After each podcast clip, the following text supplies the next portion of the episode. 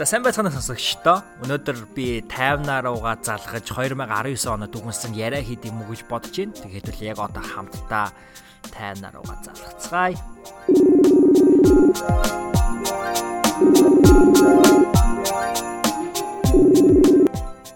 За байна уу бэлгэнэ. За сайн уу орой минь 50 наа.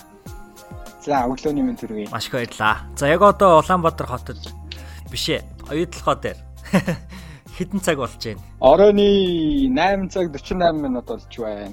Өнөөдөр энэ өдрийг ашиглаад 2019 онод дүгнсэн яриа хийх гэж байна. Тайвнада энэ оны төгсгөлийн сүүлийн адаг хэдэн өдрүүдийн бас мэндийг хүргье. За чамдсан энэ гайхалтай одоо өнгөрсөн оноо дүгнээд ирээдүйнхээ 2020 онд юу их талаараа хамтдаа ярилцах гэж.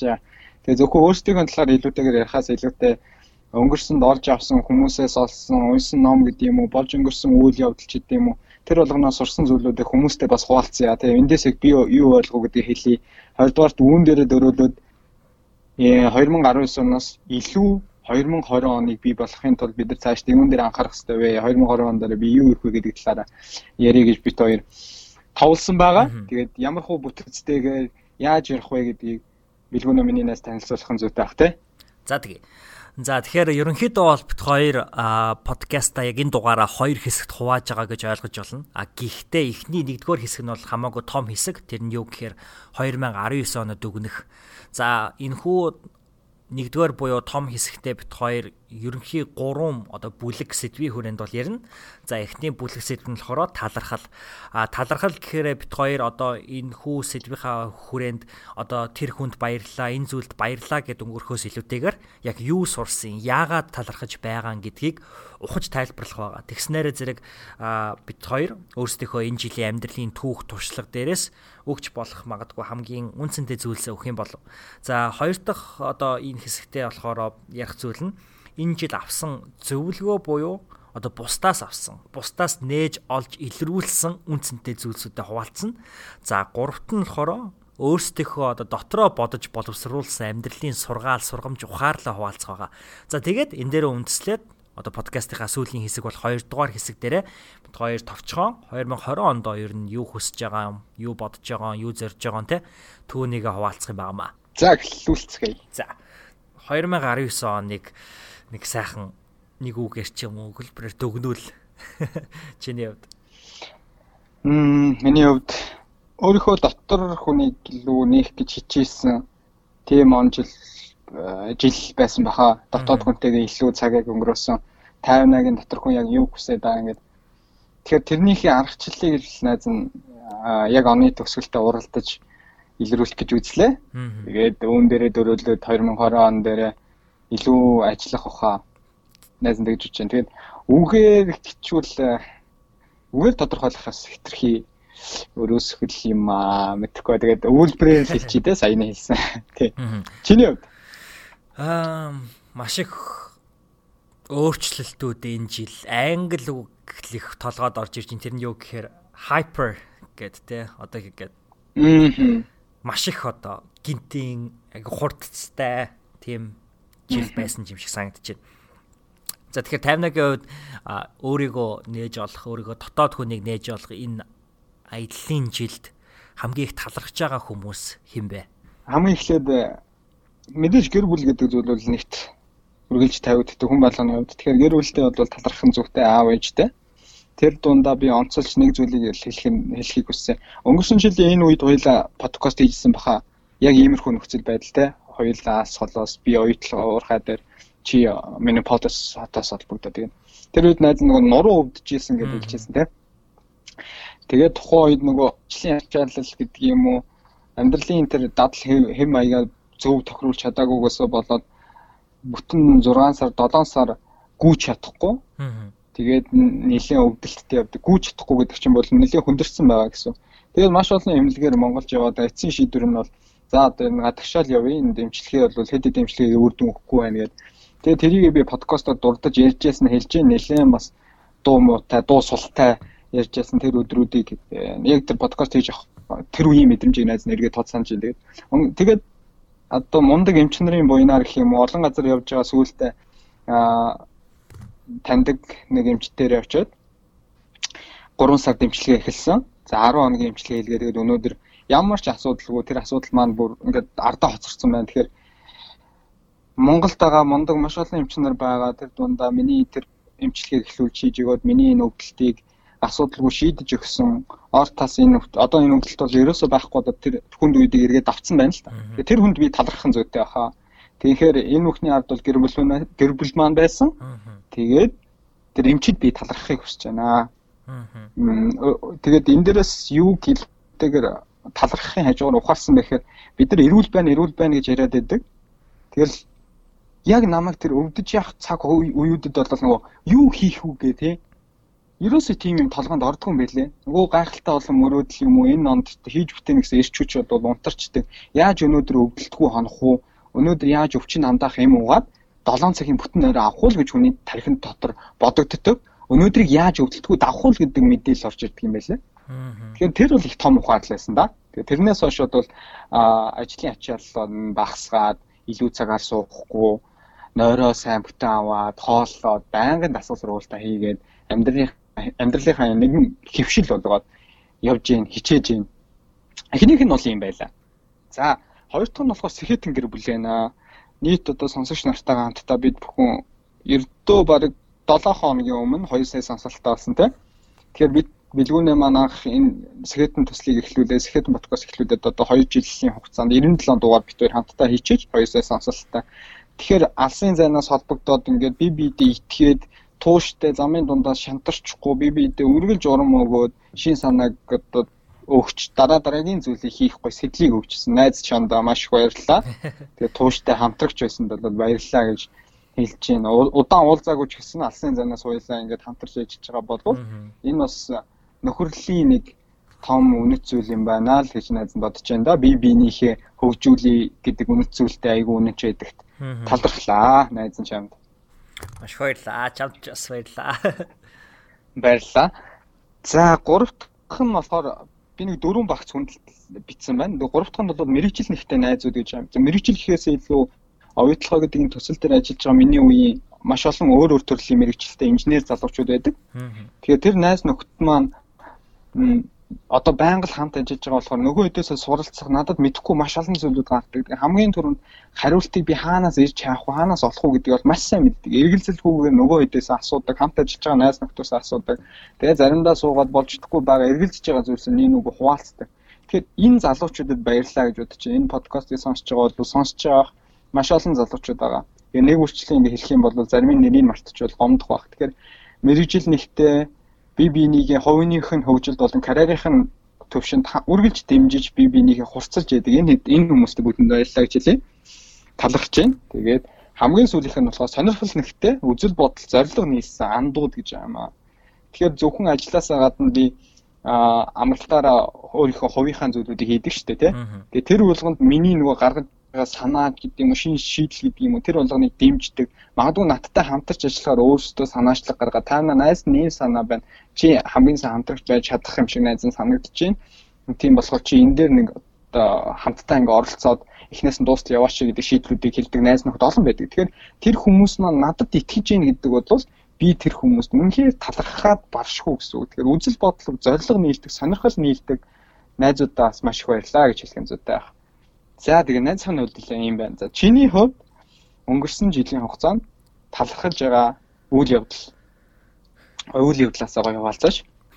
За юуны түрүүнд би 2018 онд сургуулаа төгссөн. 2018 онд сургуулаа төгсөөд одоо энэ 2019 онд болохоор би нийтдээ 3 өөр газар ажил хийсэн. Тэгэхээр 3 өөр одоо яг ерөнхий одоо ажил хийсэн гэсэн үг шүү дээ, тий. Тэгэхээр тэр гурван ажил одоо нэг ажлаа дуусгаад нэг төслийг дуусгаад дараагийн төсөл рүү ороод нөгөө төслөө дуусгаад дараагийн төсөл рүү ороод ингээд transitions буюу өөрчлөлтүүдийн үе. А за дээрэс нь яг одоо энэ хөө professional career-а анх удаа эхлүүлсэн одоо залуу мэрэгчлэнтэй миний хувьд бол 18 он төгсөөд залуу мэрэгчлэлтэн болсон. За залуу мэрэгчлэлтэн болж байгаад бакалаврынхаа мэрэгжлийг төгсчөөд залуу мэрэгчлэлтэн болоод одоо ажлын талбарт буюу Америк нэгдсэн улсад ажлын талбарт гарч одоо өөрийнхөө мэрэгжлийн карьерийг эхлүүлээд за тэгээд нөгөө Америкт чинь бас юм гэдэг чинь хугацаатай ажиллах хугацааны маань ирэх дуусаад за одоо би яах вэ гэд одоо өмнө маань угаас одоо нэг юм асуулт байсан. За тэр асуултын хариулт нь юу байсан бэ гэхээр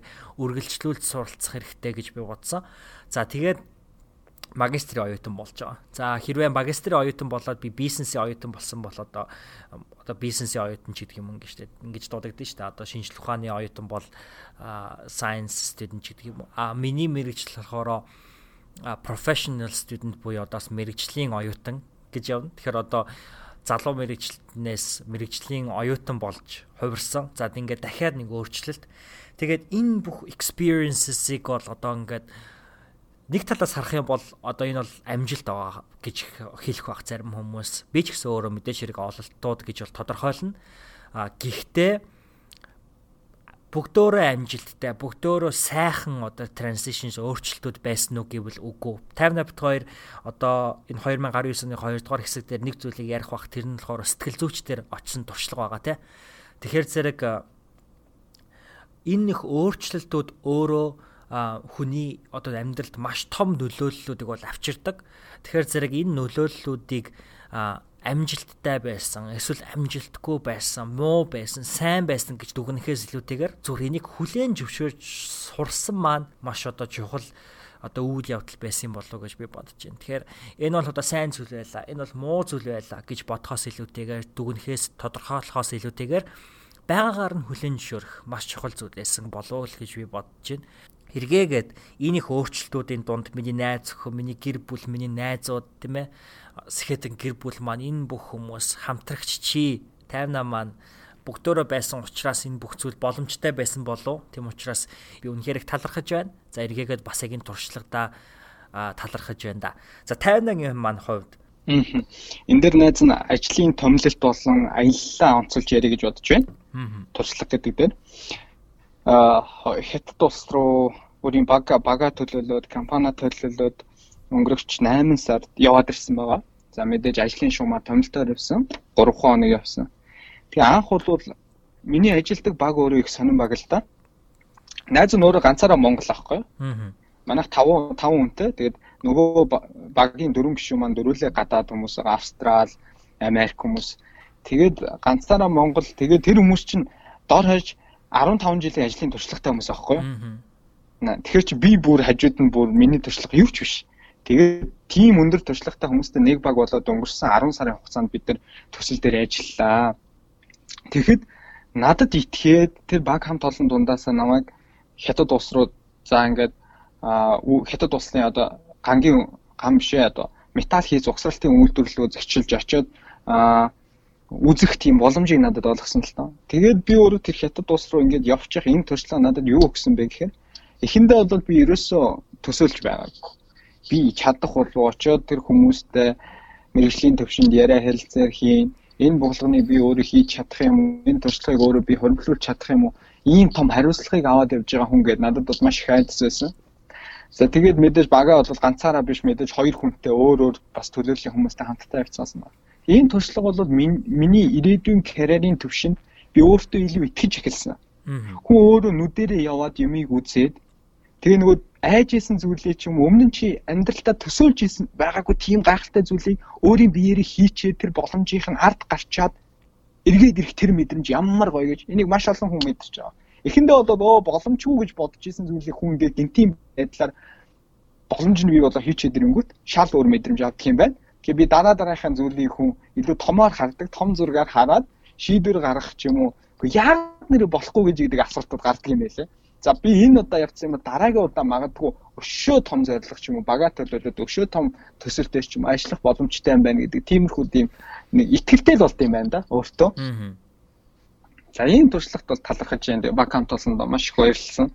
Тэгээд хоёр дахь зүйл бол байгаль нуур руу аялсан. Тэгээд а яг нөгөө түрүүн би нөгөө талархаж явдаг гэж хэлсэн мэрэгжил нэгтэй яг энэ төсөл дээр ажиллаж байгаа үеийнгийн найз нөхөд байгаа. Тэгээд бид тавуулаа байгаль нуур руу явсан. Тэгэд энэ мэдрэмж бол зүгээр нөгөө бид нар очил нойргүй хоноол тий аялна гэдэг чинь бас ингээл амархаас илүүтэй юмаа үзэл яваад орой норойтож унтаад өглөө эрт тусаа бид нар тийж явдаг шүү дээ баг тий амралт гэхээс илүү. Гэтэл энэ нөр оюун санааны маш том амралт болдог. Эргээгээд нөгөө бие махбод нь жоохон ядраад ирж байгаа юм шиг нэ. Оюун санаа, сэтгэл санааны хувьд бол маш том амралт болоод нөгөө олон ажлын ачаал боддог тэр замбраагүй олон бодлуудаа жоохон цэгцлээд эргээгээд хүрээд ирэх тийм боломжоор хангасан тийм нэг 4 5 он яйлсан. Тэгээ би энэ хоёр туршлага бол туршлагт бол маш их баярлж байна. Тэгээд ингээд зүгээр багслаад харах юм бол хүн өмнө амьдралдаа хийж байгаагүй юм уу, өмнө үзэж байгаагүй юм уу, өмнө туулж байгаагүй юм уу, туршиж байгаагүй зүйлийг хийж үзэх хэрэгтэй юм байна. Жилдээ доорож 2-оос 3 удаагийн янз бүрийн цоо шиг үйлдэл өмнө та огт хийж байгаагүй. Тэгээ тийм үйлдэлүүд чинь эргээд яг оны төгсөлд ирээд бид нар ингээд дүгнээд бодонгууд хамгийн түрүүнд тархинд орж ирдэг юм байна. Би яг одоо ингээд энэ яриаг бичгээ сууж хахад тэр үйлдэлүүдийг найз нь санангууд хамгийн түрүүнд юу бууж ийнө гэхээр энэ хоёр аялал ороод ирчихэж байгаа байхгүй юу? Тэнгүүд энэ хоёр аялал чинь одоо 8 сард хийсэн те. Гэтэл нөгөө энэ 12 сарын хугацаанд бос зүйлсүүд нь бол нэг сайн санаанд орохгүй. Тэгэхээр яг иймэрхүү нөхцөл байдлууд чи хүнийг яг амьдрсан юм шиг тийм мэдрэмжийг өгдөг юм байна. А гэтэл нөгөө зарим хүмүүс нэг л зүйлээ давтаж хийгээл 8 сар 1 жил 2 жил болсон baаш.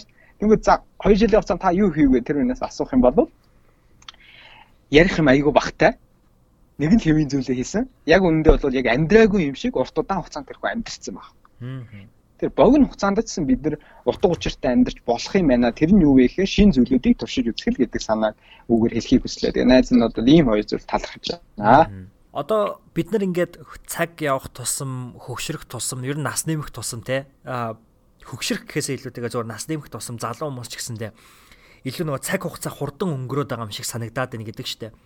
Тэгээд тэр яагаад тэгж санагддаг вэ гэсэн чинь яг 50-аагийн төрөв хэлсэн энэхүү одоо дурсамж бүтээх гэдэгтэй холбоотой юм байна л да.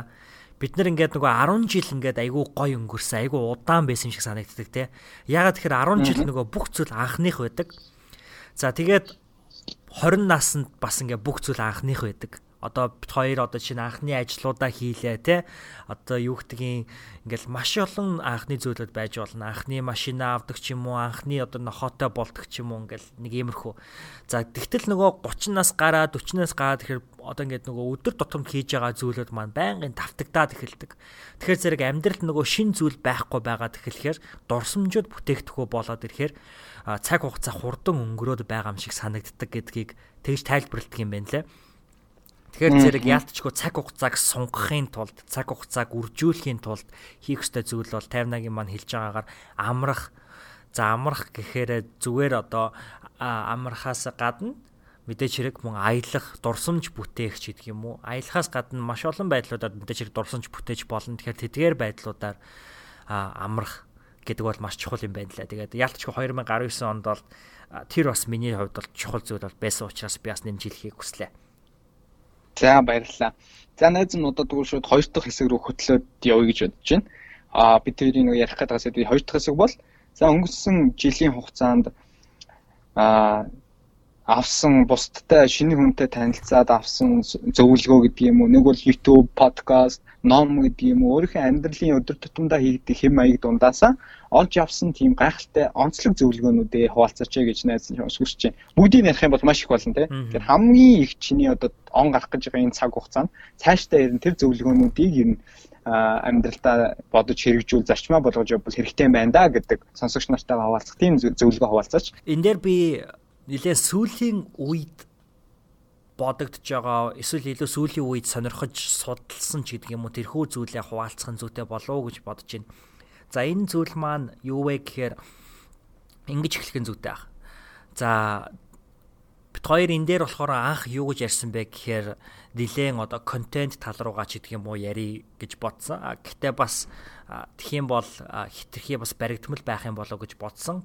А тийм учраас бас анх яагаад тэгж бодож исэн учраас яг энэ хүү одоо миний ярих гэж байгаа зүйлийг надад өгсөн тэрхүү их сурвалжийг дуртахын зүйтэй болов.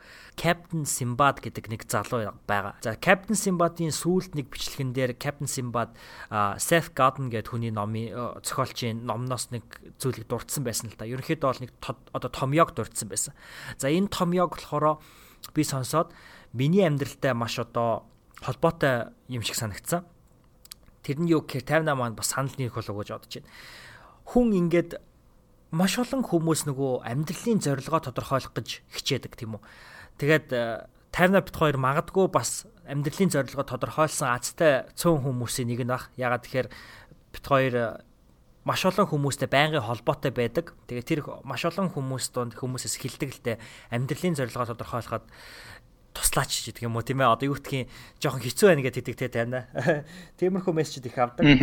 За тэр нь тэр мессежүүдийг аваад авах нь одоо нэг талаас болохоор бит хоёрт маш их зорилгыг өгдөг л доо өөрсдийнхөө туршлагаас хуваалцах одоо тэрхүү магадгүй илүү олон өөр хүмүүсийн дуу хоолой үзэл бодлыг энэхүү подкаст сувг дээр оруулж ирж бас хүмүүст шинэ мэдээлэл шинэ мэдрэмжүүдэд түгээх. За тэгээд бит хоёр бол амьдралынхаа зорилгыг одоо тодорхойлоод авцсан хүмүүсийн нэг нь байх. А тэгээд одоо юу хийх үү гэдгээ бас тодорхойлцсон хүмүүс. За жишээ нь одоо бит хоёрын өнөөдөр бас энэхүү подкастыг хийгээд сууж байгаа шалтгаан нь тэр байгаа. За гэтэл амьдралынхаа зорилгыг тодорхойлоод эхэлсэн хүмүүст нэг асуудал гарч ирд юм байна л да. Тэр нь юу гэхээр хүмүүс ингээд амьдралын зорилгоо тодорхойлоод ихтэй болохоор surge буюу одоо юм тесрэлттэй үеийг мэдэрдэг яг хийж байгаа зүйлдээ үнэхээр чин сэтгэлээсээ бүх зүйлээ зориулаад үнэхээр амжилттайгаар тэр зүйлээ хийдэг. Тэгээд энэ амжилтыг бас мэдэрч байгаа нэг том шалтгаан нь юу вэ гэхээр нэг зүйлийг амжилттай хийгээд эхлэхээр ойр тойрны хүмүүс чинь нөгөө фидбек өгөх буюу эргээгээд одоо тайвна чиний хийж байгаа подкаст чинь чиний номын хэлэлцүүлэх чи Facebook live чинь үнэхээр янзын байна гэл ингээд одоо анх ингээд эхлүүлж яхад хүн болго ингээд хилдэг те. За эндээс болохоор хүн маш их тесрэлтийг мэдрээ. За энэ л одоо миний хийх ёстой зүйл юм байна гэд ингээд одоо мэдэрдэг юм байна л та. За ингээ явж хагаад хүн deep буюу одоо уналт ч гэдэг юм уу дүрлэлт гэдэг энэ зүйлийг мэдэрдэг юм байна. За зохиолч одоо энэ хүү номын зохиолч Seth Godin-ы үзэж байгаа үзслэр болохоро энэхүү deep буюу уналт нь search буюу тесрэлт үеэсээ илүү урт удаан үргэлжилдэг хүн ер нь бол одоо өөрийнхөө амьдралын зорилгыг тодорхойлсон ч гэдэг юм уу ер нь хийх юм олцсон хүмүүс энэхүү deep гэд буюу энэхүү уналтын үе дээрээ ер нь жоохон удах гад байдаг. За яагаад үг гэхээр хүмүүс тэр нь илүү удаан үргэлжилж байгаа юм шиг санагддаг нэг шалтгаан. Яагаад гэхээр одоо тесрэлттэй үе гэдэг бол нөгөө амар их моментумтэй те нэг амжилтаас нөгөө амжилт руу яваал ингээд эн чинь өөр ингээд асар их юм хүн өөрөө сэтгэлийн таашаалыг мэдэрч байгаа. Тийм учраас маш их одоо гайхалтай олон зүйлс богино хугацаанд болоод маш хурдан болж өнгөрч байгаа юм шиг санагддаг. А гэтэл нөгөө хүн ингээд жоохон хоошоогоо суугаа, жоохон одоо нөгөө ойр дотны хүмүүс нь одоо фидбек өгөхөө болоод эхэлдэг ч юм уу те. Ер нь бол одоо хүн нөгөө нэг зүйлийг байн хийгээд хар чинь тэр чинь нөгөө нормал болоо хувирч штэ. Шин нормал болоод хувирчин. Тэгэхээр зэрэг одоо чинь тайна бит хоёрын подкаст хийдэг бол бит хоёрын хувьд бол нормал шүү дээ. Яагаад тэгэхээр 2 жил одоо подкаст хийчлээ тий. Тэгэхээр чинь зэрэг ингэ нормал болчихно. За тэгэхэд хүмүүс нөгөө унаад хоошоогоо суугаад ингээд яг яаж хийх вэ? Би яагаад энийг ингээд хийж чадхаа болчоо гэж ингэж бодож эхэлдэг. За одоо миний хувьд гэх юм бол Skeleton podcast бол 2017 оны сүүл 2018 он 2019 оны ихэнх хүртэл яг миний хувьд бол Skeleton podcast нэрэ подкастаа оруулахдаа тогтмол 7 хоног болгон хийдэг байсан. За тэгвэл 2019 оны 4 сар 5 сараас ахуулаад энэ тогтмол байх нь нөгөө миний түрүүн нэгдүгээр хэсэгтээ дурдсан transitions буюу өөрчлөлтүүдээс болж ингэж одоо consistency буюу байнгын зүйлээ ингээ алдаж эхэлсэн. Тэгэхээр ингээд одоо сард нэг удаа подкаст хийдэг ч юм уу те ингэж эхэлсэн. За эннээсээ болоод би ингээ өөрийгөө үзэн ядаж байгаа байхгүй. Аа би яста чадахгүй байна. Би яагаад чадахгүй байна. Өмнө нь яагаад ингээд хүмүүс рүү ингээд урилга явуулахдаа санаа зовхгүй явуулцдаг байсан юм бол одоо яагаад би ингээ хүн рүү подкастынхаа урилгыг явуулахын тулд ингээд маш ингээ хэцүү давааг даваад байгаа юм бол те ингээд сэтгцийн сэтгэл сэтгэлийн хувьд ингээд айгүй хэцүү ингээд хэцүү санагдаад ерөөсөө л ингээл нэг болж өгдөггүй. Тэгээд ингээд ирэхээр хүн нөгөө энэ дип буюу уналтын үед байхаараа зэрэг өөрийнхөө нөгөө арга замуудыг солих гэж үздэг юм л дээ. За би энийг нэг солиод үзчихье. За ер нь урилга явуулах хэм маягаа сольж үзэх хэрэгтэй байна ч гэдэг юм уу. За ер нь подкастынхаа хэм маягийг солих хэрэгтэй байна. Өө асуултуудаа солио. Үндсэн 8 асуултуудаа болоод подкастаа ондоо болгоё. За эсвэл одоо үндсэн 8 асуултуудаа эргэж оруулж ирээд нөгөө сүулт нь оруулаад гал асуултууд болгочих ч гэдэг юм уу. Ингээл ингээд шин зүйлүүдийг нөгөө хүн чинь туршаал гэдэг. За энийг би яагаад хуваалцахыг хүсэж байна гэхээр хамгийн гол нь энэ номны энэ номны гол санаа нь Captain Simbad-ийн одоо хоолоогоор дамжиж хэлэгдсэн гол санаа нь юу байсан бэ гэхээр нэг зүйлийг надад одоо assure хийх буюу зүгээр шүү гэдэг одоо энэ мэдрэмжийг хангаж өгсөн. Тэр нь юу гэхээр хүн одоо энэ хүү тесрэлтийг мэдрээд дараа нь энэ хүү уналтыг мэдрэхээр зэрэг энэний дараа юу байдаг вэ гэхээр mastery буюу бүрэн дүүрэн эзэмшилт тийм ээ тухайн зүйлийнхаа эзэн болох байдаг гинэ. Тэгэхээр зэрэг энэ надад маш одоо гоё амгалан мэдрэмжийг өгсөн. Тэгээд хэдий одоо би ингээд хуучин байсан одоо тэрхүү консистенсигаа алдсан ч гэсэндэ 50 бит 2 яг үнэндээ харах юм бол 2018 онд бит 2 300 мянган сонсолттой байсан бол 2019 онд бит 2 одоо 200 2 сая таталттай боллоо штэ.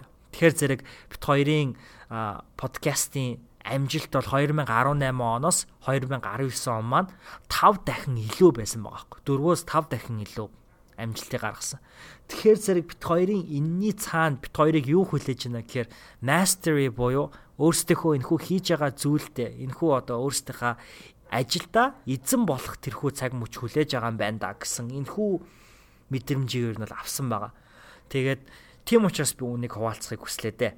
За тэгээ миний хувьд бол ийм байна. 51-ийн маань хувьд энэ жил авсан зөвлөгөө нээж олдрүүлсэн зүйл юу байсан бэ? За хамгийн түрүүнд онцлог зүйл бол сая оны төгсгөлд сэтгэл зүйч дээр очиж үзлээ анх удаа. Амьдралдаа анх удаа очсон. Тэгээд гол шалтгаан нь юу байсан бэхээр энэ сэтгэл зүйч гэдэг бол анх очихоос өмнө миний төсөөл би өөрөө өөрийгөө илүү таньж мэдье, өөрөө өөрийгөө олоход надад туслах баха гэдэг тийм хүсэлтэйгээр тийм зорилт тавиад очсон.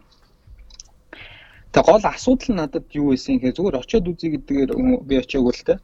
Тэгээ гол асуудал нь юу байсан гэхээр би бүтэн сүүлийн нэг жил, бараг 2 жил гэж хэлж болох жил гаруй хугацаанд энэ сэтгэлийн гутрал гэдэг, сэтгэл гутрал гэдэг зүйл бол баг багаар надад ажиглагдаж эхэлсэн. Над бол одоо хүн намайг анзаарч байгаа хүмүүс харах юм бол би нийгмийн сүлжээнд идэвхтэй байдаг, хийж байгаа зүйлсийг харах юм бол би байнгын завгүй байдаг.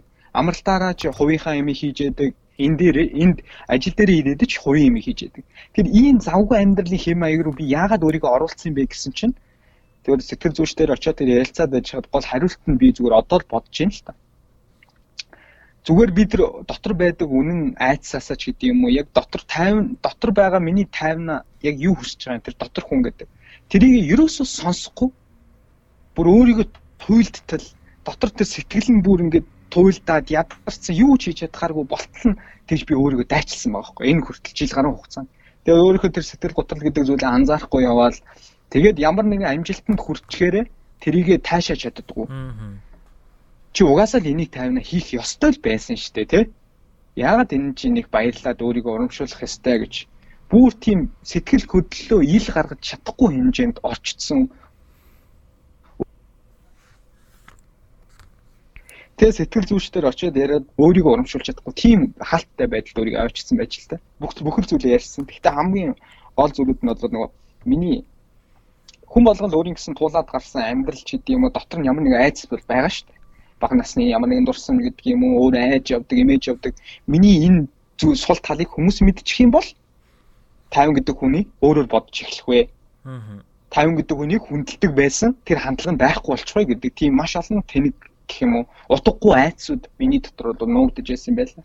Тэгэхээр тэр айцсуудаа хүн ил гаргаж тавихгүй байгаад ирэхээр чинь өөрөө шийдвэр гаргахтаа хүн ерөөсөө зориггүй болж эхэлнэ. Зөвхөн худлаа бий болоод эхэлнэ гэсэн. Зөвхөн гадаад ертөнц болон хүмүүст яаж харагдаж байгаа тэр өнцөг дээрээ би илүү төвлөрөөд дотор хүн нүг нь өөр юм хүсээд байдаг. Тэрийгээ сонсч чадахгүй л байнга л завгүй өөрийгөө байлгаал нэг нэг зүйл рүү улаарай л дайраад байдаг. Тэгээ нөгөө ирээдүй буюу тэр нэг очих байгаа цэг дээр очиод за би чадчихлаа шүү гэж гатгаал бариад авахд ерөөсөө баярлдаггүй. Гэхдээ жилийн өмнө би яг энэ цэг дээр хүрэх гэж ямар их байлаа. Тэг бүтэн жил хөдөлмөрлөөд би энэ цэг дээр ирчээд өнөөдөр таймнаа яагаад баярлахгүй байгаа юм бэ? Яг л энийг чи угаасаа хийх ёстой байсан шүү дээ гэдэг тийм мэдрэмжийг авч байгаа байхгүй. Тэнгүүд би ингээд яг одоо энэ цаг мөчтөөж амьдрч чадахгүй ирээдүйдээ санаа зовдөг. Тэгэхээр ирээдүйдээ ч амьдрч чадахгүй тийм хүн болчихж байгаа. Тэгэхээр энэ асуудлаасаа ерөөсөө тойс зүхтаахгүйгээр тэр дотор нуугдж байгаа сэтгэл готрол чамайг оруулаад байдаг тэр бүх айцсуудаа зоригтойгоор ил гаргаж тавь. Ил гаргаж тавьна гэдэг нь итгэж явдаг хүмүүстэй яар бүр болохгүй бол мэрэгжлийн энэ сэтгэл зүйч нас дээр очиж тэрийг нэг нүгөө ярих хэрэгтэй. Тэр хүмүүс чинь мэрэгжлийн энд олон жил ажилласан хүмүүс чинь бидэнд маш том зөвлөгөөнүүдийг өгөн, галт шийдлийн өгөн. Магадгүй яг тэр дотор би өөрийгөө сонсч чадахгүй завгүй яваадсэн тэр амьдралын хэм маяг дундаас олж чадахгүй бол сэтгэл зүйчдэр очиод 50 цаг 30 минут нэг цаг суугаад ярихад аа яг миний дотор хүн өнгөрсөн жилийн хугацаанд тийм л юм хүсээд ерөөсөө ингэж намайг тайван байлгахгүй би өөрөө сэтгэл готролд амархан өртөөд байсан юм байна да ч юм уу. Тиймэрхүү тиймэрхүү хариултуудыг олох юм шиг. Тэгээ найз нь эхнийхээ уулзалтыг хийсэн. Тэгээд э, дахиад 4 удаа уулзсан. Нийт 5 удаагийн уулзалт хийхээр тохирсон байгаа. Тэгээд бол ер нь бол сэтгэл гутралын нэлээд хүнд байдалт гэх юм уу энийг угаасаа чи бол засах ёстой Яа тэгэхээр өөрийгөө бол жоох юм завтай болоод ирэнгүүт нь өөрийгөө завгүй байлгүй штэ таймна гэдэг юм уу. Тийм өөрийгөө тиймэрхүү байдлуудад хэд их оруулчихжээ. Тэгээд өөртөө хатуу хандаад байгаа хүн бол өөр хинэгэнд бол яаж зүйлээ хандах юм те. Тэгэхээр өөрөө өөрийгөө хүн хайрлах хэрэгтэй гэдэг талаас нь илүү анхааралж надад зөвлөгөө өгсөн ба. Тэгэхээр он гараад магадгүй энэ уулзалтууд маань цаашлах баг. Тэгэхээр яагаад би энэ бүхний ингээд чин шударгаад сонсогч нартаа энэ олон мянган хүн хуваалцаж байгаа юм бэ гэхээр хүн болгонд хүн болгонд асуудал байгаа тий. Тэгэхээр одоо энэ сонсож байгаа хүмүүс ч зөндөө асуудал байгаа. Тэгээ бид нар ч одоо энэ нийгмийн сүлжээ хөгжөөд хүн болгонд ингээд хамгийн сайн хувилбараа ингээд нийгмийн сүлжээнд гаргаж ирж штэ. Тэгээ нөгөө хүнтэй яг уулзаа суух юм бол нийгмийн сүлжээн дээр байдгаас шал өөр хүн байдаг ч юм уу тий. Тиймэрхүү байгаа да. Би сүүлд нэг хүнтэй уулз уулзаж үзсэн. Тэгсэн тэр хүн надад юу гэж хэлсэн бэ гэсэн чинь чи нийгмийн сүлжээн дээр байдгаас өөр хүн юм аа гэж хэлсэн. Яагаад гэсэн зүгээр тэр бид хоёр бол анх удаа уулзч байгаа юм л. Тэгээ нийгмийн сүлжээн дээр ямар байсан гэхээр би чинь байнга л ирч хүчтэй байдаг. Хүн гаднаас таних хүн харуул оо тайнаас ая үнэхээр ирч хүчтэй залуу. Үнэхээр ирч хүч нь дундаршгүй бүхэл зүйлийг амжуулж яаж энэ бүхнийг амжуулж яана гэж хэлмээр залуу аахгүй. Тэрийн найз нь өөрөө ч хүлийн зөвшөөрнө. Гэтэл уулзаад үзээ суунгууд миний дотор хүн чинь илүү их юм боддог. Хүнтэй илүү гүн гүнзгий зүйл ярьдаг жоохон бодоо жоохон гүнзгий асуултууд тавиад эхлэнгүүт нөгөө хүмүүс чинь вау энэ залуу чинь өөр залуу биш үү нөгөө нийгмийн сүлжээнд байдгаас сэтгэл хөдлөлийн хувьд хүртэл шал өөр залуу байна гэдэг дүгнэлтэнд хүрч байгаа байхгүй. Тэгэхээр бид нар ийм нэг замбраагүй одоо амьдралын хэм маягаас салмаар байгаа маа хэдүүл хамтдаа. Хэрвээ тийм одоо нэг асуудалд орцсон яах гэдэг нь мэддэхгүй ингээд байж байгаа бол дотор хүнтэйгээ илүү ярилцах хэрэгтэй л гэдэг санаа. Энэ дээр би зүгээр нэг зүйлийг дахиад онцлоод хэлэхэд ер нь хүн болго амжилттай байх ёстой мүү гэдэг асуулт аахгүй. Тий. Одоо ингээл бүгд л ингээл хов өний хөгжил, хүн өөрийгөө хөгжүүл, өөрийгөө тасралтгүй л гоё байлга гэж яриад дээ. Аа. Үндэ энэ анхнаасаа хүн төрлөختөө үүссэн цагаас энэ хүний амьдралын хамгийн чухал амьдралын утга учирын нэг мөн байсан юм уу? Үгүй л ахгүй юу? Тэгэхээр хүн болгоны амьдралын утга учир гэдэг зүйл чинь өөр аахгүй. Тухайн хүнийх нь төрдөөс хамаарат. Чи яг юунд дуртай, юу хүсдэг? Тэрий чи хэ хариултыг олох юм бэ гэхээр бид эдийн дотор байгаа хүн чинь олох байхгүй. Тэгээ тэр дотор байгаа хүнээс ерөөсөө тухтай ярилцаж суугаагүй байж өөр танихгүй хэн нэгний лекцэнд очиж суугаад танихгүй хүнтэй яриад тэр хүмүүсээс би яг юу хүсэх юм би яг ямар мэрэгчлээ болох юм цаггүй цаашдаа би ер нь юу хийж амьдрмаар юм тэр хариултыг ерөөсөө олж чадахгүй шүү дээ бид нар Тийм болохоор дотор хүнтэйгээ ярилцах хэрэгтэй. Энэ хэн туслах юм бэ гэхээр би сэтгэл зүйч гэдэг хүн туслах юм болов уу гэж найз найдад очсон гэдэг юм ярьж шүү дээ. За тэгвэл нэгдүгürt бол би ийм зүйлийг онцлохыг хүсэж байна. Энэ дээр бол сэтгэл зүйчийн надад зөвлөсөн хамгийн том нэг зөвлөгөө бол оюун санааны бясалгал гэдэг зүйл. Одоо mindfulness гэж нэрлэдэг. Энэ зүйл бол чамд хамгийн ихний том дасгал байх болно. Энэ сэтгэл готрол буюу энэ олон замбраагүй бодлоос өөрийн чинь чөлөөлж чадах. Яагаад гэхээр энэ бол яг одоо цаг дээр төвлөрдөг тийм дасгал байхгүй. Энэ эдийг та Google дээрээс ингээд ухаад YouTube-ээс үзэх юм бол бүр гүн гүнзгий маш олон юм мэдээлэл дэлгэрүүлээд яриад байгаа. За эхний зүйл бол ийм байлаа. Найз нь яагаад сэтгэл зүйч дээр очсон бэ гэдгийг бол одоо нэг нүггүй маш олон хүмүүст хэллээ. Тэгээ бид нар чи робот биш шүү дээ. Хүн болгоныг л тэр нэг одоо нэг огт ерөөсөө танихгүй хүнээ бид нар ингээд онцлоод ингээд магтаад ямар нэг сайшаал өгчдөг. Оо энэ тайна подкаст хийдэг, тайна бол мундаг гэд. Тэгээд тэр хүнийг тийм байдлаар бид нар ингээд одоо тайзалчлаа гэсэн үг шүү дээ. Дүгнээд энэ хүн ийм гэх. Тэгээ нөгөө хүн чи өөрөө тэр хүмүүсээс тийм олон хүндлэл аваа, тийм олон сэтгэл авсан хүн чинь үгүй би яг энэ хүмүүсийн хүлээлтэнд л байхгүй бол болохгүй шүү дээ гэдэг хандлагаар би өөрийгөө хүчилж байгаа хөөх. Тэгээд ерөөсөө өөрийнхөө дотор хүсэж байгаа хүнтэйгээ ярилцахгүй тэр олон хүмүүсийн хүсэж байгаа хүсэлд нийцүүлж би өнөөдөр үйлдэл хийж амьдарч байгаамаа. Энэ өөрөө миний хувьд өнгөрсөн жил 2 жилийн хугацаанд том буруу үйлдэлүүд байжээ. Тэгээд би амьдралынхаа алхам тутмаас таашаал авч чаддаггүй байжээ. Яг энэ цаг мөчтөд амьдарч чаддаггүй байжээ гэдэг зүйлийг ойлгосон шүү. Тэгэхээр энэ амьдралд өөрийгөө сонсоод өөр чинь хамгийн хайртай тийм хүмүүстэйгээ илүү цагийг зарцуул. Тэр л хамгийн гоё тийм мэдрэмж санагдсан. Би ялтчгүй энд нэг орж ирээд үү чиний энэхүү гаргаж байгаа чин зориг тийм ээ чиний гаргаж байгаа энэхүү нී нуугүй байгаа байдлыг бол яхаа аргагүй одоо сайшаах хэрэгтэй гэж би бодож байна. А би би бас хэдэн одоо хоног 7 хоногийн өмнө сэтгцэн эрүүл мэндийн тухай подкаст хийсэн. Тэгээд одоо бит хоёрын яг энэхүү ярьж байгаа ярианууд хэлж байгаа бүр үгнүүд хүртэл маш чухал гэж би бодож байна л да. Ягаад гэхээр чи бит хоёр одоо хин хинэн сэтгэл зүйч төр очоогүй бол энэ бүх одоо бүр хэрглэж байгаа үгнүүд хүртэл гарч ирэхгүй байх. Яг үн нуун штэ. Нуун бит хоёр те. Тэгээд би бүр хамгийн их баярлж байгаа зүйл нь юу гэхээр одоо яг 50-да төрөө ингээд надад одоо мэдэрсэн мэдрэмжүүдээ яг ингээд та бүхэнтэй хуваалцлаа штэ. Энэ мэдрэмжүүдийг 50-аа өмнө надад ингээд өөрөө яг тийм ээ хуваалцаар ирсэн байхгүй юу. Тэгээд яг трийг нь ингээд эргээгээ дахиж сонсоо тайрна трийг яагаад юу байсан гэдгийг ингээд тодорхойлцсон нь өөрөө маш үнцэнтэй санагдаж байна. Тэгээ би тайрна түрүү надад ингээд яг яг гинэрэга эхлүүлэхдээ нэг үг ингээд надад ингээд айгүй хүчтэй баг цохиод авлаа л да. Тэр нь юу гэхээр сэтгэл гутрал гэдэг энэ үг. Тэгээд яагаад би хэлж байна гэхээр бид нар одоо ингээд өдөр тутмынхаа ярианда Тайвна мань чин сэтгэл гутралд орсон байна гэж хэлдэггүй шүү дээ, тэ? Энэ бол ерөөсөө хэрэглэгддэггүй үг. Тэгээ би гайхаж байна. Яг үнэ. Чи энэ сэтгэл готрал гэдэг үгийг сэтгэл зүйчдэр очихоос өмнө хэрэгэлсэн үү? Эсвэл сэтгэл зүйчдэр очоод чамаа сэтгэл готралтай байна ч гэдэг юм уу? Эсвэл энэ сэтгэл готралын шинж тэмдгүүд байна гэж чам тодорхойлоход тусалсан уу? Сэтгэл зүйчдэр очсны дараа сэтгэл зүйч маань одоо бүтэн нэг цаг миний яриаг сонсоод сэтгэл готралын болвол шинж тэмдэг бол чамд ажиглагдаад нэлийн удцсан байна гэдэг шин юуг бол хэлсэн байна Өмнө нь бол ерөөсөө сэтгэл гутрал гэдэг тэгэнгүүт юу яриад байгаа юм те? Бараг чи ямар амар хүн сэдв хүндтiin. Юу гэж би тийм амар хүнд асуудалд орсон байдгийг гээд би тооц цотдог гэсэн бохоггүй. Найзуудаа янз бүрийн асуудал ярихад те. Тэгээ найзуудаж баг надаас энэ асуудал хөндөж ярихгүй шүү дээ. Сэтгэл гутрал гэдэг үгийг чинь баг бид нар өдөр тутмын янанда чиний хэлж байгаа шиг бид нар хөндөд байдаггүй байхгүй. Тэг мэрэгжлийн хүн дээр нь очиад бүх зүйлээ ярингууд тэр хүн чинь тэр миний ярьсан мэдээлэл дээр үндэслээд онш тавьж байгаа. Тэгээд би бас яагаад энийг асууж ийн гэхээр бидний дотор байгаа эмоц тийм ээ сэтгэл хөдлөл эдгээр зүйлсүүдийг хүн өөрөө нөгөө юу гэдгийг ойлгодоггүй айгуу сонио. Тэгээд ингээд маш олон ингээ мэдрэмжүүд байгаа. Гэтэл юу надад амар тусалт юм шиг санагдсан бэ гэхээр шошиглох. Чиний мэдрээд байгаа мэдрэмж чи энэ юм аа. Чиний мэдрээд байгаа энэ зүйл чинь энэ юм аа гэд одоо лейбл хийх буюу шошиглох тийм ээ. Таймнагийн хэлж байгаагаар онцлох бол амар амар амар мэдрэмж өгд юм бэл. Яагаад тэгэхээр чи өмнө нь юутай ингээд орооцолтоод байгаагаа мэдэхгүй байсан бол одоо бит хоёр би ч гэсэн нөгөө манай сэтгэл зүйч намайг сэтгэл готрлын шинж тэмдэгтэй байна гэсэн аахгүй.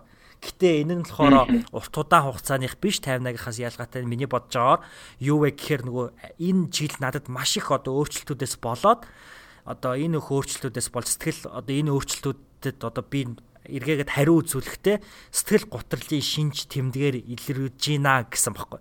Тэгэхээр ингээд онцлцохоор зэрэг онц өгчхөөр зэрэг одоо би энийг контролдж байгаа байхгүй тий. За эн чин сэтгэл гутрал эн чин эннээс болж байгаа. Одоо би юу гэдгийг мэдж байгаа юм чин надад хүч чадал нь ирж байгаа байхгүй. Тэгэхээр энэ бол маш чухал гэж би бодсон.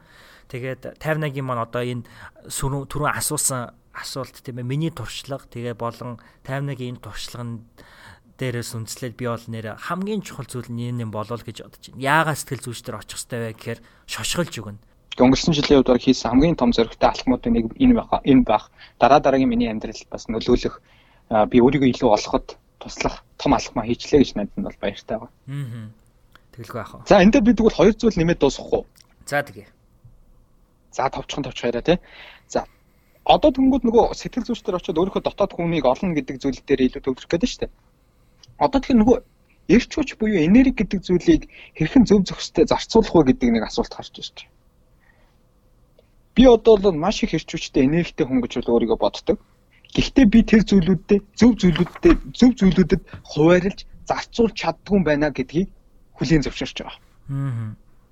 Зүгээр өөрийгөө завгүй байлгах гэж бусдад гоё харагдахын тулд зарим зүйлийг өөрөө хүсээгүй байж хийдэг. Тэгэхээр маш их эрч хүч тэр хайрын энерги би буруу зүйл зарцуулж яах гэдгийг анзаарсан. Тэгэхээр хүн өөрөө юунаас энерги юм уу эрч хүчийг нөхдөг юм бэ гэдэг хэдүүлээ яг энэ сонсогч сонсож байгаа хүмүүс анзаараасаа гэж хүсэж байна. Магадгүй миний хувьд бол найз нөхөд буюу хамгийн хайртай надтай санаа оноо нийлдэг хүмүүстэйгээ ярьж суух суугаад амьдралынхаа тухай, ирээдүйнхээ тухай үжил бодлоо хуваалцаа тэр суусна эрч хүч 50 гэдэг хүнийг урагш нь хөдөлгөд юм байна. Тэр миний авдаг нэгс. За хоёр дахь нь нойр. Бид нар доор хаяж 7-оос 8 цагийн нойроо авч явах хэрэгтэй нойр ямар чухал юм бэ гэдгийг өнгөрсөн жилийн хугацаанд маш сайн биеэрээ тулаа мэдэрлээ. Гурав дахь зүйл нь хоол. Бидний идэж байгаа хоол, тэгээд тэр идсэн хоолоо бид нар боловсруулах явц. Боловсруулах нь гэдэг маань бид нар дасгал хөдөлгөөн хийх. Энэ болгон бидний бид бүгдийн амьдралын тэр хэмнэл ямар хүчтэй нөлөөлж орж ирдэг юм. Яа тэр өглөөний гайхамшиг гэдэг номыг уншичаад дасгал хөдөлгөөн би нөгөө энэ сэтгэл готол гэдэг шинж тэмдэг ажиглагдаад байгааг өөрийгөө анзаарахгүй Тэгээ өөрийгөө тайвшруулахын тулд надад хамгийн түрүүнд хийх хийх аргачлал гэх юм уу юу байсан бэ гэхээр дасгал байсан байхгүй. Тэгээд өдөр болгон 30 минут гүйдэг байсан. Ажлын цаг дууссан дараа. Тэр үнэхээр гайхалтай имчилгээ байсан шүү залуусан. Яг одоо ингээд хүмүүс эргэлзэж байгаа ямар нэгэн зүйл би шийдвэр гаргах гэдэг. Ерөөсөө би хаана яваад байгаагаа мэдэхгүй байна. Та надад зөвлөөч гэж маш олон хүмүүс хэлдэг байхгүй надаас асуудаг. Би тэр хүмүүст юу гэж хэлдэг вэ гэхээр за тэгвэл чи маргаашнаас 21 хоног тасралтгүй нэг өдөр дор хаяж 30 минут гүйч. Гадаа байна уу? Жин дотор ороод заалан байна хамаагүй. Тэгээ 21 хоног тасралтгүй чи 30 минут гүйчээд за одоо тэгээд тэрний дараа хоёлоо гоё кофе уугаа сууя. 21 хоног би гүйчлээ таны хэлснээр одоо хоёлоо гоё кофе уугаад яг тэр мэдэрсэн тэр энэ дасгалын ард гарсан зүйлийг хуваалцъя гэж нэгэн ч яриаг.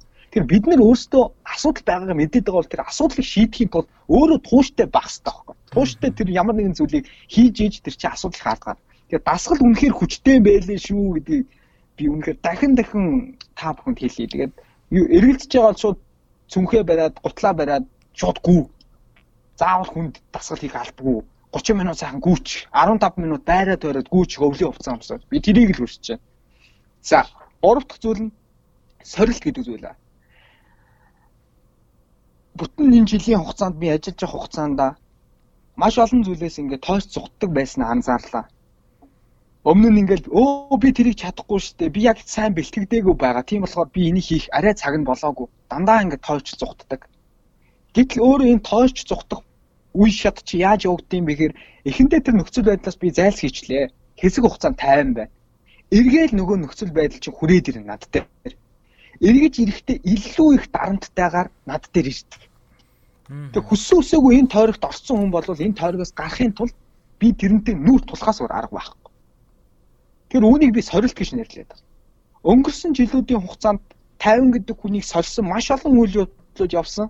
Тэр нь гадны хүчин зүйлүүдийн нөлөөтэйгээр юм уу хүчээр баг зарим нь би хийхээс өөр сонголт байгаагүй. Өдөрлөгөөр чийдэр гаргаад за 50 чи хийх ёстой. Чамд даалгалаа гэхэр чи би хийхгүй чадахгүй гэж хэлж чадахгүй шүү дээ. Тэгэхээр сорилт руу намайг түлхэгдсэн байхгүй. Гэтэл энэ сорилтуудын ард гараад би ямар шагнал авсан гэж? Хамгийн том шагнал нь сорилт болгоны араас хүний амьдралд хамгийн том одоо юу гэх юм? Би нэг хүн өөрийнхөө тэр дотор ямар их хүч чадал байгаагаа мэдэрдэг юм хэмжиж чаддаг юм бэ хүн өөрийгөө сольж үзээгүй цагт өгшөө хизээч өөрийгөө ямар хүчтэй хүн бэ гэдгийг мэддэггүй юм тийм болохоор би хүмүүст хэлэх гээд амар хүнд асуудал юм үнэхээр би барахгүй байх гэж бодож байгаа ч юм айж байгаа зүйлөө өөрийгөө сорь алдаж яана онж яана хамаагүй. Тэрний ард гарсны дараа чи чиний дотор ямар их хүч нуугдаж байдгийм бэ гэдгээ хүн мэдэрдэг юм байл ш. Тэр найз нь тэрийг хэлхий өсөж байна. За энэ онцлсан зүйл бол энэ гурван цайлаа л да. Аа. За. Тэгэхээр өндөр эмоцтой ярьлаа шүү дээ. Гайхалтай. Тэгэхээр сайхан байна. Надад бол сайхан байна. Бит хоёрын бас ингэж өндөр эмоцтой байгаа нь өөрөө бас энэ подкастын энэ дугаарыг нэг чухал хэсэг нь болов гэж би бодож байна. Тэгэхээр хоёулаа оны төгсгөн шүү дээ өгшөө. Тий. Гурав дахь хэсэг. Гурав дахь хэсэг оръё. Аа. За найз нь чамаас асууя шүү. Амьдралын сургамжуудаас өнгөрсөн жилийн амьдралын сургамжуудаас хаваалцаач. За баярлаа. Тэгэхээр зэрэг би энэ дээр нэх их зүйл яг энэ дээр бодоогүй байсан яг үнэнгээ хэлэхэд а гэхдээ ер нь нэг иймэрхүү зүйл ярих байх та гэсэн тийм зүйл бол байсан. Өмнөх хоёр хэсэг дээр бол ингээд тэмдэглэл хийцэн те нэг ийм зүйл ярина гэж бичсэн байсан бол энэ одоо амьдралын авсан сургамж гэдэг дээр хоосон байна л та. Гэхдээ би сая таймнагийнхаа яриаг сонсож байгаа ер нь бол энэ их чухал байсан шүү гэж надад бодогдсон хоёр зүйл байна. За ерөнхийдөө нэг зүйл баг базаа ярьчих болно дөө. За тэр нь юу гэхээр би сүүлд нэг ийм ном подкаст эхлээд сонсоод сүүлд нь тэр номыг нь уншсан юм а. Тэр нь ямар ном байсан бэ гэхээр Indistractable гэдэг нэртэй ном. За энэ бол өөрөө англи хэлэнд байдаггүй үг баг. Ягаад тэгэхээр distract гэдэг чинь өөрөө нөгөө сатаарах тийм ээ сатаарл гэсэн үг шүү дээ. А indistractable гэхээр үл сатаарагч гэж орчуулах юм ба да. Тэгээд би энийг уншиж одоо энэ номыг уншнаас хойш ерөнхийдөө бол одоо энэ үл сатаарах одоо төвлөрөх тийм ээ фокус хийх гэдэг сэдвийн хүрээнд бол хэд хэдэн одоо хэд хэдэн тийм урт одоо блогууд эссенүүд уншсан. Тэгээд тэр эссенүүд дээр тэрхүү блогууд дээр нэг санаа байн гарч ирээдсэн нь юу вэ гэхээр а 2000 одоо энэ 20 он нас ахуулаад ер нь яг одоо энэ цаг үеэс ахуулаад ирээдүйн хідэн одоо 10 жилийн туршид хүмүүсээс хамгийн их чухал шаардагдах скил буюу чадвар юу вэ гэхээр үл сатаарагч байх гэж байгаа байхгүй. Өнөөдөр дэлхий өөрөө маш одоо юм баялаг ертөнц тийм ээ. Дэлхий гэдэг чинь өөрөө маш их баялаг, маш их зүйл биднэрт байна. Маш их технологийн дэвшил бүх зүйл байна. Тэгээд юу бас одоо эсэргээрээ багасч байна гэхээр хүний attention буюу хүний одоо анхаарал байхгүй болж дэлхий дээр болох одоо энэ хүний анхаарал гэдэг зүйл бол өөрөө устж байна. Тийм ээ. Бараг нөгөө улаан наманд орох зүйл нь одоо хүний анхаарал гэдэг зүйл болж хувирч байна гэж байгаа байхгүй. Тэгэхэр зэрэг үл сатаарагч байх ёстой байна гэдэг бол өөрөө энэ 2019 оны миний бодлоор хамгийн чухал ухаарал байсан болоо гэж би бодож байна. За үл сатаарагч байна гэхээр одоо тухайн яг одоо өдөр тутамдаа үл сатаарагч байхыг мэдээж хэрэг хэлэн тэ. А тэрнээс гадна одоо нөгөө амьдралынхаа замыг тодорхойлцоход тэр замаас гажихгүйгээр бас амьдрахыг бас хэлээд байгаа байхгүй. Тэгэхээр зэрэг э, би бол илүү яг нөгөө өдөр тутамдаа үл сатаарагч хэрхэн байх вэ гэдэг дээр ярихыг гэтээ илүүд хүсэж байна. А тэр нь юу хэлж байна гэхээр бид нар одоо ингээ маш их бидний анхаарлыг сарниулах энэ хүчин зүйлсүүд бидний ертөнцид байна. Технээс болоод бид нар өнөөдөр завгүй байхыг илүүд үздэг болцсон. Завгүй байна гэхээр бидний хувьд нөгөө бахархал болцсон те тавина. Одоо яг тавина бол яг нөгөө ажлын байран дээр байгаа хүн учраас илүү сайн мэдж байгаа. Би завгүй байна гэж хэлэхээр нөгөө хүн чинь айгу мундаг одоо чухал хүн болж Яг үнэ.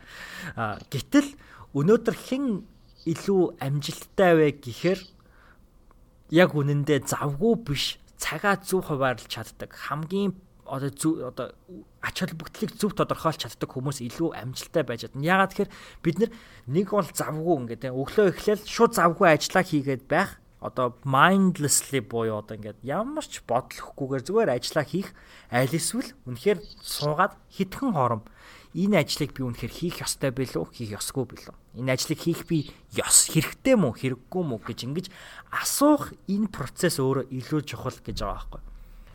Тэгэхээр зэрэг нөгөө түрүүн сэтгэл одоо сэтгэл зүйчдэр очисон сэдвээр тайвна ярьсан шүү дээ. Ингээд бид нэр энэ мэдрэмжтэй би бас юм адил төстэй мэдрэмж авдаг аахгүй. Одоо би жишээ нь хүний ингээд бичсэн имэйл над руу бичсэн мессежинд хэдхэн цагийн дотор хэдхэн өдрийн дотор хариулахгүй бол энэ хүн намайг одоо дургу болох болов те цогт бэлгүүн дээр гэдэг хүн одоо муу хүн болоод хувирчих болов гэж ингэж би айдаг. Одоо хүртэл надад тэр айдас байдаг.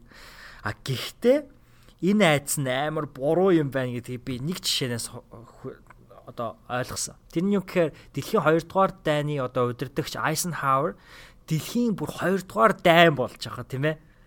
Амардаг байсан гэж байгаа байхгүй. За за би одоо жоохон хэд хоног амарчаад ирийгээд одоо ой модор ордог ч юм уу те өөр газар руу очиод бүх мэдээллээс тасраад тэр дайны тухайд нэг ч үг солихгүйгээр хэдэн хоног амраад эргээгээд дайн руугаа эргэж ирдэг байсан. Тэгэхээр болоод үзтээ дэлхийн хамгийн том дайн тийм ээ энэ дэлхийг бүр оронгоор нь өөрчилсөн хамгийн их одоо одоо хүн хүний аим хорогдсон энэ дайнд генерал нь энэ дайнд ялахын төлөө амрах хэрэгтэй гэлөө чухалчилсан байна. Тэгэхээр зэрэг одоо юу гэдгийг Айсенхауэр ингэж бодоагүй байгаа байхгүй. За би одоо амарчих юм бол одоо хүмүүс намайг үзий ядаад би одоо муу хүн болно гэж хэлж бодоагүй. А гэтэл эсэргээрээ би амархан илүү чухал юм а гэж бодоод тэр хүмүүсийн үзэл бодлыг үл тоон амарч исэн.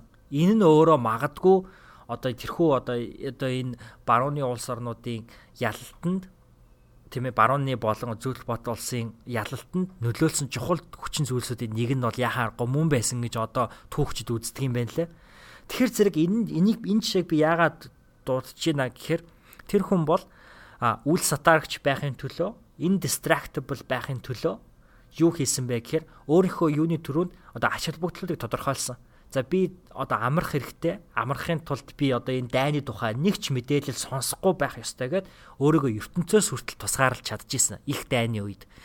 А Тэгэхээр зэрэг юугаа нэгт вэ? Юу хоёрт вэ гэдгээ тодорхойлох маш чухал юм байна. За дээрэс нь өдөр тутамдаа хэрхэн одоо энэ distractable байх вэ гэдэг бол маш чухал юм байна.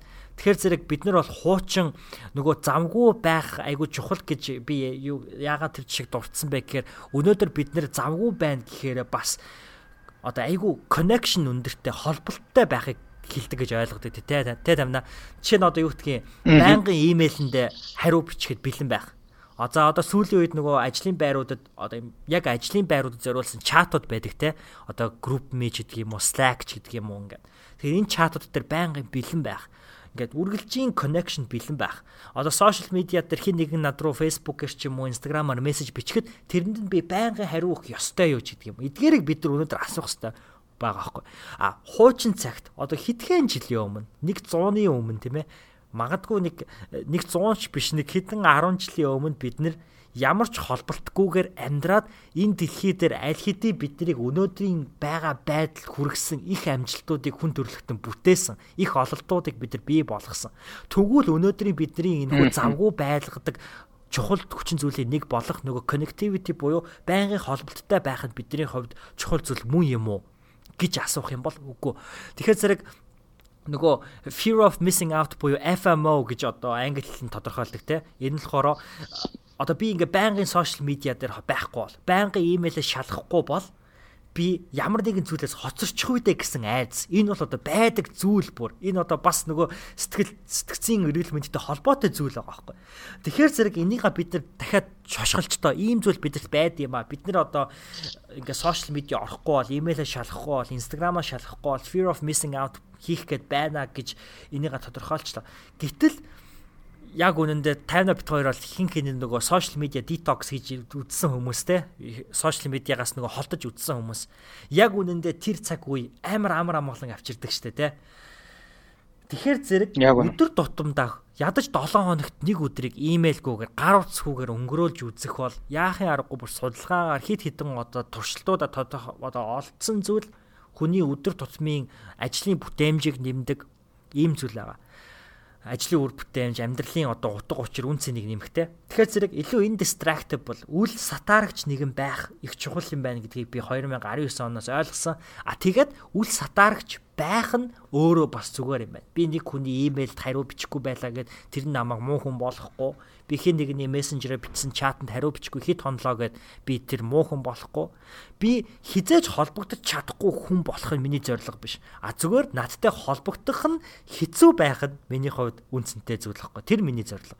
Ягаад гэхээр яг үнэ. Бит хоёрын хувьд, тайна бит хоёрын хувьд түрүү хэлсэнчлэн нөө хийх зүйлээ тодорхойлцсон. Энэ зүйлээ хийхин төлөө бит хоёрт бол өдрийн 24 цаг гэдэг лимит бол одоо байна те. А үүнийгээ бид нэр зөв нөгөө үнцнийг нь тодорхойлоод юунд илүү ач холбогдол өгдөг гэдгийг тодорхойлоод түн дээр ажиллах нь бит хоёрын хувьд их чухал. Тэгэхээр зэрэг энэ нь зүгээр шүү, үл садаргч байх нь зүгээр шүү. Таны хувьд ч гэсэндээ зүгээр шүү л гэж би энийг сонсож байгаа сонсогч таньда хэлмээр байна да. За окей. Баярлалаа. Цаахан хариулт байлаа. Одоо тэгээ бүх зүйл ер нь автоматжуулалт э, болоод нөгөө хүмүүс илүү өмнө нөгөө шаргуу ажиллаж хөдөлмөрлөдөг байсан бол тэр цаг үе арт тоцоод хүмүүс илүү ухаалаг ажлын амьдралын хэм маяг руу шилжиж явах шиг. Технологийн давуу талыг ашиглаад тэглэг яах вэ? За, чиний хувьд. За, би нэг дөрвөн зүйлийг онцлсан байна. Хамгийн ихнийх нь болохоор өнгөрсөн жилийн өнгөрсөн жил гэж 19 оны 5 сард аав минь хагалгаанд орсон л зүрхний хагалгаанд. Тэгээ зүрхний хагалгаанд орж явах яг тэр үед болохоор би ажил дээр ажил эхлэж таарсан. Тэгээ яг хагалгаа амжилттай болоод дууссан тэр оройн би оройны нислэгээр Улаанбаатар хотод бууж байгаа. Тэгэл онгоцноос буугаад сүнхээ гэрээр орохгүй бүх зүйл аваад 3 дугаар эмнэлэг дээр очиж байгаа. Тэгэл хагалгаа бол амжилттай бол. За одоо бол хагалгаа бүх зүйл асуудалгүй болцсон байгаа л да. Тэгээд зүгээр тухайн үеийн нөхцөл байдлаас би юуг олж илүү сургамж надад өгсөн бэ гэхээр яг чиний хэлж байгаа шиг яг бэлгүүнээ гэлсэн чинь амьдралд яг юу нэгдүгээр тийм бэ, юу хоёрдугаар тийм бэ гэдэг зүйлээ би ялгаж чадаагүй тухайн шийдвэр гаргаж чадаагүй байхгүй. Магадгүй урд өдөр нь би урд өдрийн нислэгээр би очиж болох байсан бол байсан. Гэтэл яг тэр хагалгаан дээр хамгийн ойрн байх хэвээр үр хүүхэд нь би одоо жишээ нь хагалгаа дууссан хойно оройных нь нислэгээр очиж гин гэдэг бол би тэр үед өөрийгөө маш ихээр өөртөө гутарч өөртөө гомдож ирсэн. Хагалгаа амжилттай болсон. Гэхдээ би тэр цаг мөчид байсангүй дээ гэдэг надад их сонир сэтгэл төрүүлсэн. Тэгээд тэр цаг үеэс одоо 5 сараас хойштой одоо би амьдралдаа ямар зүйлийг хөвшил болох гэдэг юм бэ гэхээр аав ээжигээ жилдээ нэг удаа дор хаяж бид нар эмчийн өрчлөлсөн сэргийлэх бүрэн үзлэгт оруулж яа гэдэг зүйлийг би өөртөө амласан. Тэгээд тэрнээс хойш аав ээжигээ ямар нэг одоо иж бүрэн шинжилгээхээр иж бүрэн шинжилгээнд хамруулаад өрчлөлн өрчлөлн сэргийлэх үзлэг байна шүү дээ. Тэгэхээр энийг сонсож байгаа хүмүүс байх юм бол өөрийнхөө хайртай хүмүүстэй цаг зарцуулж эрүүл байна гэдэг чинь одоо маш чухал асуудал болчиход байна шүү дээ сүүлийн үед. Тэгэл энэ Facebook нийгмийн сүлжээгээр явж байгаа маш олон хандвийн аяынуудыг харахаар чинь бүр ингээд өөрийн ирэхгүй айх тийм айц төрх юм байна шүү дээ тийм муу ярилж байгаа юм биш. Тэгэхээр хүмүүс иймэрхүү зүйлд яах вэ гэхээр бид нар урьдчилан сэргийлэх хэрэгтэй. Үдлэгтэй хамрагдж явах хэрэгтэй. Тэгэх юм бол бид нар ямар ч асуудалгүй. Тийм болохоор би энэ зүйл бол миний хувьд хамгийн том сургамж байсан. Тэгээ аав ээж эрүүл мэндэд бол нэлээд анхаарч байгаа да. Сүүлийн үед яаж ин уцаар яриад Тэгээд ямар нэгэн жижигхэн чамаагүй асуудал гарах юм бол за алийг шинжилгээ өг гээл те. Яа наад асуудал чи яг юу вэ? Тэр асуудлын сайн нарийн мэрэгжлийн хэмжээр үзүүлэх хэрэгтэй гэ. Тэгээд тэгж анхаарал дуусснаас миний хавь таал хамгийн том сургамж байлаа. За хоёр дахь зүйл нь болохоор хүмүүс бид нар чи ер нь өөртөө итгэх итгэл гэдэг зүйл нь одоо нэг бат бэх гэх юм уу? Бат бид нар өөртөө итгэлгүйгээсээ болоод маш их эргэлздэг юм байна би ямар цаг үеүүдэд хамгийн хэрэгэлцдэг вэ гэдээ бодсон чи хүн чи өөртөө итгэлгүй бат итгэл байхгүй тэр цаг үеүүдэд эргэлздэг. Тэгээ ирээдүйдээ маш ихээр санаа зовдөг. Тэгээ энэ ямар үр дүнд хүнийг аваачдаг юм бэ гэхээр хин нэгний хэлсэн тэр үгээр ингээл савлдаг. Тэнд нэг хүн очил юм хэлчингүүд нь гонээрээ тийм ч юм уу гэх тэр энэ өөрийн гэсэн ямар нэгэн тууштай үзэл баримтлал байхгүй. Тэгээ нөө тийм хүмүүс чи өөрөө бат итгэлгүй хүн чинь төрхөн зуурын ололт амжилтанда сэтгэл ханчдаг юм. Аа оо за тэгээ болчлоо гэдэг. Тэгэхээр өөртөө итгэх итгэл гэдэг зүйл ямар чухал юм бэ гэдгийг яг өнгөрсөн 10 сар дан гадаад хүмүүсээс бүрдсэн энэ багт би орж ажиллаад ойлгож авч байгаа. Би үнэхээр үнийг хийж чаднаа гэд өнөөдөр итгэсэн тэр үеүүдэд би тэр ажлуудыг ардгаалж. Жишээ нь ингээд мэрэгжлийн одоо маш олон удирдлагуудын дунд гараад би өөрийнхөө судалгаач гэдэг юм уу төслөө танилцуулахад би 100% итгээд өөртөө итгэлтэй гарсан үед би тэр төслөө маш сайн амжилттай танилцуулсан. Жохон эргэлзээл гараад ярихад бүгдэр нь англи хэл дээр яг санаагаа 100% илэрхийлж чадахгүй. Тэгээ нөгөө төслийн хүмүүстэй гол санаагаа хэлж чадахгүй. Тэр асуудал болчихсон. Тэгэхээр бид нар ямар ч зүйлийг хийх гэж байсан өөртөө итгэх буюу өөртөө итгэж тэр зүйлдээ итгэл үнэмшилтэй болсон цагт бол ямар ч зүйлд бүтдгийм байлээ шүү. Бид бүхэн арт нь гардгийм байлээ шүү гэдгийг хэлхийг хүслээ. Тэгэхээр хүн 100% би өөртөө итгэнэ гэдээ итгэчихгүй л дээ. Тийм амар зүйл гэж байхгүй. Тэгэхээр ямар үед хүний итгэл нэмэгддэг юм бэ гэхээр тэр зүйлийг маш олон удаа туршиж үзээ хийж үзсний үзэл байх тусам итгэл нь нэмэгддэг юм бэл. Тэгэхээр ямар нэгэн зүйлийг айж байгаа бол тэрийг эхлээд хий. Эхнийх нь алхмыг хий, хоёр дахь алхмыг хий. Тэгээ өөрийн мэдлэхгүй гурав дахь зүйл дээр нь анхны айдас чинь багассан байдаг. Тэгэхээр нөгөө өөртөө итгэх итгэл айдас хоёр чинь ингээ нэг зөрж ийна гэсэн үг баг. Өмнө айдас нь айгүй өндөр байсан боловч тэр зүйлийг давтан давтан хийгээд тэр айцтайгаа нүүр тулах тусам айц нь багсаад өөртөө итгэл итгэх төвшин эсрэгээрээ нэмэгддэг. За ийм зүйлийг онцлоё гэж бодож байна.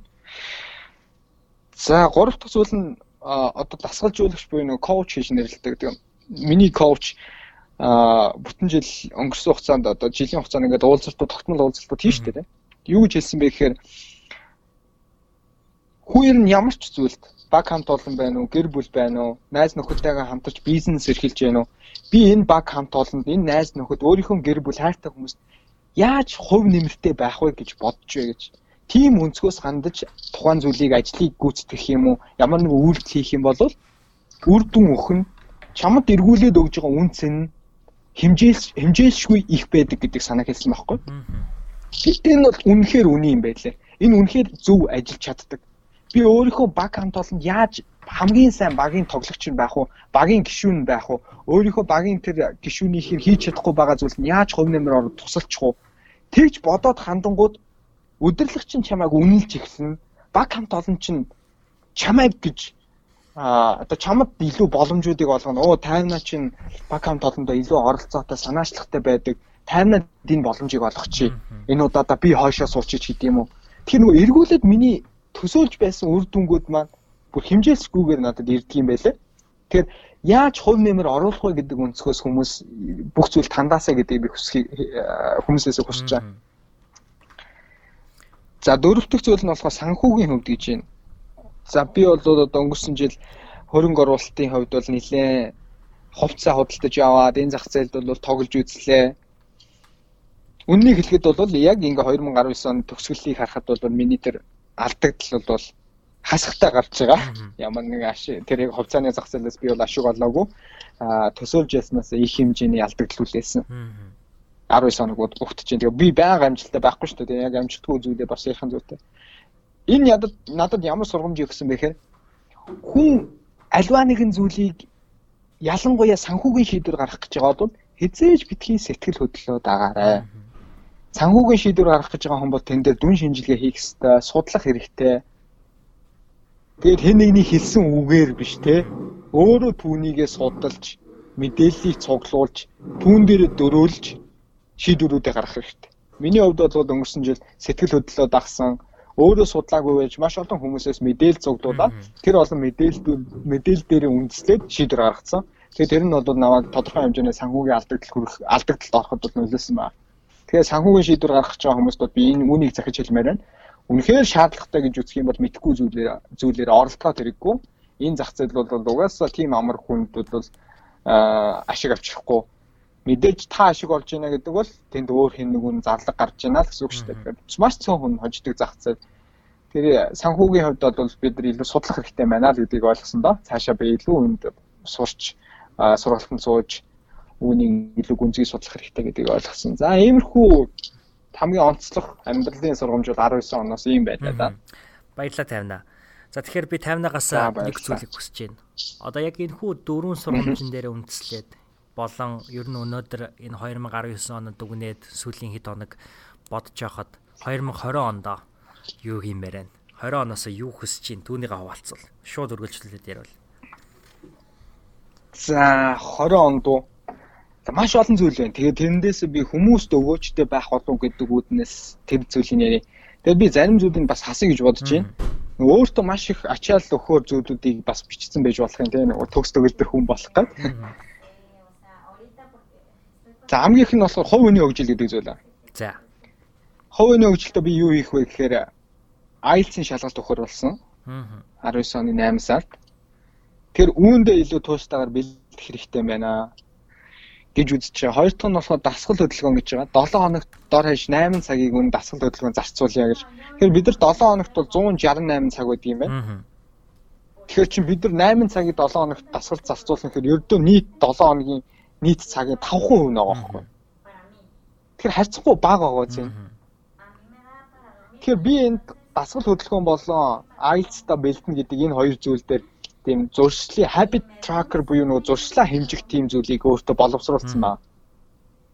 Тэр нь яасан бэ гэхээр 31 сар болгоноор нь ингээ гаргаад 31 өдрөөр нь хойш нь татаад За өдөр болгон би ямар ямар зүйлүүдийг хийх юм те. Яг одоо энэ 8 сард IELTS-ийн хүссэн оноонд хүрэхийн тулд би тэгвэл өдөр болгон яг юу хийх ёстой. 7 хоног 8 цаг зарцуулах дасгал хөдөлгөөн хийх гэж байгаа бол ямар ямар дасгал хөдөлгөөн хийх ёстой. Ямар булчин дээр илүү ажиллах ингээд доошо бүх зүйлүүдэд жагсааж бичсэнгүүтээ нэгсэнд зорилгоо би задлж гин гэсэн үг байхгүй. Ерөнхий зураглалаар биш те. Би дасгал хийн, IELTS өгнө гэдгээд биш. Илүү нарийн нэг өдөр болгоноор нь задлаад тэгээд ингээд хийсэн зүйлүүд дасгал юм уу хийсэн а зүйл дасгал хөдөлгөөн одоо юу байдیں۔ Тэр зүйлүүдээ будаад явж байгаа. Тэнгүүд энэ 31 өдөр чинь ингээд дуртай өдрүүдэд чинь ингээд будаад яваад тэр бутсан зүйлүүд дээрээ би яг хэдэн цаг зарцуулав гэдгээ дээр нь цэвэрхэн цэвэрхнээр бичээд явуул зүгээр юм шиг байна.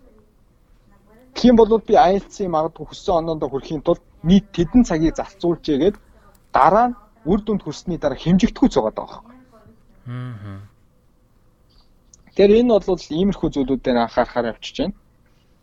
За дараагийн гурав дахь зүйл нь санхүүтэй холбоотой юм байна.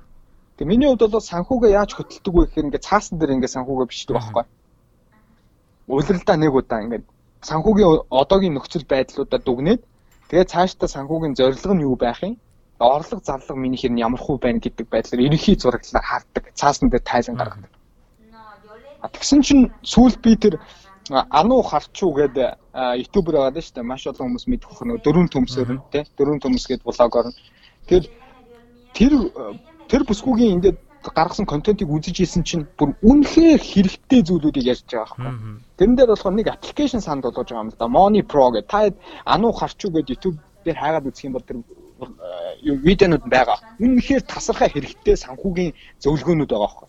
Тэр тэгээ Money Pro гэдэг аппликейшн болохоор орлого зарлага хянах боломжтой тийм үнэхээр энэ амарх юм билээ. Тэгээ бүр тайлбарлалцсан. Тэгээд энийг та гүнзгийрүүлээд үзээрэй гэж хүсэж байна. Тэгэхээр эх онд бол миний зорилго бол санхүүгээ орлого зарлага удирдалтаа нэг удаа ингэж хяндаг байсан бол одоо өдөр болгон хийнэ. Тэр аппликейшнийг би худалдаад авсан өнөөдөр утсан дээрээ суулгацсан. Яг одоо энэ цаг мэл. Тэгээд тэрэн дээр ямар орлого оруу тэрийг ингээд бүгдийг нь оруулчин бүх дансуудаа оруулчин. За зарлага гаргах болгондоо биччин Тэгэл ингээд тэр чин репорт надад өгөөд байгаа гэсэн үг байхгүй. Аппликейшн надад тайлан гаргаж өгөөд байна. За та юунд их мөнгө зарцуулаад байна? Таны орлогын түвшин ямар байна? Санхүүгийн зорилго чи юу юм те?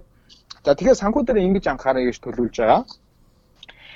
За тэгээ тоон байдлаар энэхийдээ багцаж ярих юм бол орлоготой ажил гэдэг нэг зүйл байгаа ш. Тогтмол орлоготой ажил. Тэр нь одоо миний энэ ажил байгаа. Оюутлогоо төсөл дээр ажилтдаг. Би ийм сайхан хамт олонтой ийм гоё олон улсын төсөл дээр ажиллаж байгаа. Тэгээ энэ би ажиллаад явж байхад сар болгонд бол надад цалин бол орж ирнэ гэсэн үг. Тэгэхээр тогтмол орлоготой ажил дээр би ирээдүйд юу хийх вэ гэж. Тэгэхээр мэдээж тогтмол орлоготой ажил дээр байр сууриа ингээд бэхжүүлэхийн тулд миний хувьд жил болгоны 12 сар 11-аас 12 сард удирдлагуудтайгаа суулж хөгжлийн төлөвлөгөө гэж гаргадаг байхгүй. Тэгэхээр тэр хөгжлийн төлөвлөгөөн дээр яадаг вэ гэхээр сул тал давуу талаа нэгсэндээ дүгнэв би. Тэгээд хүмүүс нэг 16 хувийн нэг төрөл өгдөг шүү дээ. Тэрийг хүмүүс тодорхойлчвал их зүгээр юм лээ. Би удирдлага буюу ментортэй болсон. Тэгээ 11 сар. Тэгээ ментортойгоо сууж байгаа.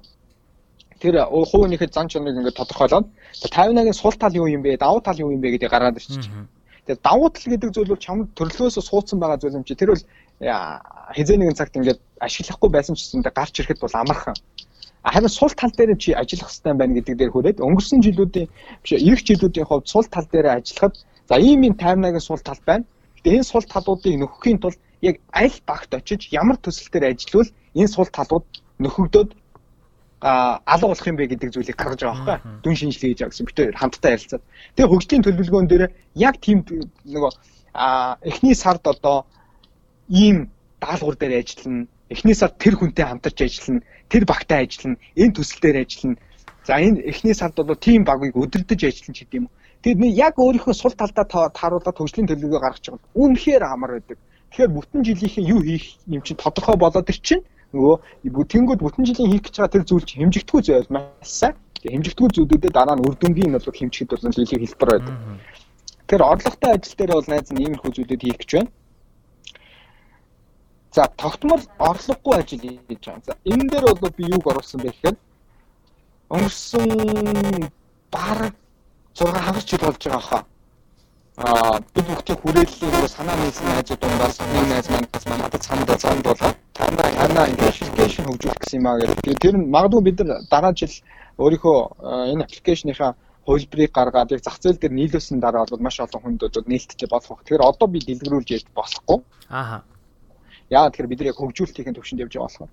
Тэгэхээр энэ аппликейшны саналыг бол сар жилийн өмнө надад санал тавиад тэгээд тэрнээс хойш бидэд бол тогтмол уулзах чадахгүй байсан ч гэсэн явсараа байгаад яг өөрийнхөө багийг бүрдүүлээд одоо бизнес төлөвлөгөөн дээр бид бүхэн сууж эхэлж байгаа. Тэгэхээр бол он гараад бол хүмүүс хариуцсан хариуцсан ажлуудаа хийгээд явна гэсэн. Хамгийн сонирхолтой нь энэ баг дотор орсон хүмүүс бүгд тус тусдаа тогтмол орлоготой ажилтай. Тэгээ ажлынхаа бус цагаар энэ үүн дээр цаг зарцуулна гэсэн. Тэгэхээр энд юу нэгтгэж байгаа юм бэ гэхээр энэ багийн хүмүүсийг бусдаас суралцъя хамгийн гол нь аппликейшн хийгээд үзчихье тий амьдралдаа Тэгэхээр энийг хийгээд үзчихэд маргааш дараа нь ард нь гарцсан байхад маш том тийм тусдаг болж үлдэн те амжилттай болсон ч болоогүй ч хамаагүй. Тэгэхээр тийм үн цэнийг хүмүүс харсан болохоор ийшээ орж ирэх хэлж байгаа. Тэгэхээр миний хувьд бол дараа нь жил тогтмол орлогогүй ажил гэхээр бол ийм зүйлийг хийх нь.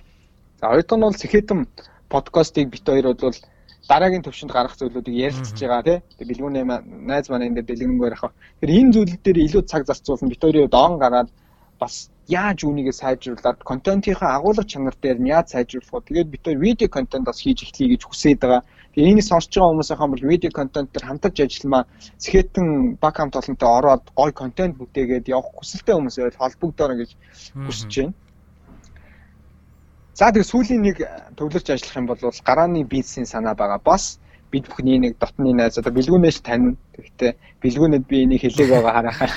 Тэр хүн өөрөө тэгээд явандаа хэлэх авч Тэгэхээр энэ нэг гоё бас санаа гаргаж ирсэн тэр хүний санаа, миний найзын санаа. Тэгээд энэ нь хэрэгжүүлж болмоор санаа юм байна тавина. Тэгээд он гараад юуны судалгааны ажлыг эхлүүлээ. Судалгааг нь хийж үзээд энэ үнэхээр боломжтой санаа юм уу? Урт хугацаанд хэр ашиг авах юм? Богино хугацаанд хэдийн хэмжээний зурцлах авах ингээд нөгөө бүх судалгааг нэгээд эрсдлийн үнэлгээг нь хийсний дараа энэ ажлыг болоо илүү хэрэгжүүлэх үү хэрэгжүүлэхгүй гэдэг дээр тохирох байх гэж бодож байна. Тэгэхээр одоо санааны төвшөнд битээр сүүл кофе ууж сууж байгаа за судалгаагаа эхлүүлэх хэрэгтэй байна гэдэг дээр тохирсон байгаа. Тэгэхээр энд бол би үнэхээр хүсэж байгаа. Үнэхээр надад гой санаа үнэхээр тасархай санаа байсан. Тийм болохоор би бол энийг эцсийн үзээд баг хамтлагийнх нэг гишүүн бодоод магадгүй эхнийх нь хөрөнгө оруулалтын дээр нь өөрөөсөө мөнгө гаргаад өөрөөсөө мөнгө гаргаад энэ төслийг амьдуулах тийм бас хүсэл сонирхол байгаад байгаа. За тэгэхээр өнгөрсөн жадараа жил бол ийм зүйлүүдийг хийхэндээ тэгээ би маш цөөнийн хэллээд ярих юм бол замбраагүй их юм байна. За миний хувьд нэмжлэх одоо дараа жил юун дээр илүү төвлөрч, юун дээр илүү эрч хүч энерги зарна гэж бодож байна. За би энэ асуултанд товчхон хариулахыг хичээе. 50-гийн түрүү нөгөө ярьсан шүү дээ. IELTS, дасгал, habit tracking гэдэг эдэр дээрээ хийнэ гэд. 50-гийн одоо жишээ ярианаас сонсох юм бол 50 IELTS дээрээ тэдэн оноо аавна гэсэн зүйл хэлсэнгүү. За дээрэс нь дасгал хийгээд одоо хідэн хэмжээний одоо жишээ нь bench press хийдэг ч гэдэг юм уу те? Хэдэн килограмм булчин нэмхийн ямар жинд очих гээд байгаа ч гэдэг юм уу тийм зүйл ерөөсөө хэлсэнгүй. Харин таймна юу хэлсэн бэ гэхээр 7 хоногт хэдэн удаа хийн 7 хоногийн хэдэн цагийг зарцуулна гэж систем ярьлаа. Тэгэхээр түүнтэй адилхан би бол одоо одоо яг хувь хүний хөгжил буюу амьдралынхаа хувьд амьдралдаа энэ жил одоо нөгөө шинэ жилийн зорилгоо тавихаас илүүтэйгээр өөрийнхөө амьдралынхаа системүүдийг илүү боловсронгуй болгох хэрэгтэй байна гэж юу үзэж байгаа нэг товчхондоо дурдвал За ямар ямар системүүд амьдралд маань ирэх жил хэрэгжих бол гэдгийг та бүхэн маань намайг Instagram дээр дагаад мэдэрээ. Цогт бэлгүүн дээр гээд дагаад.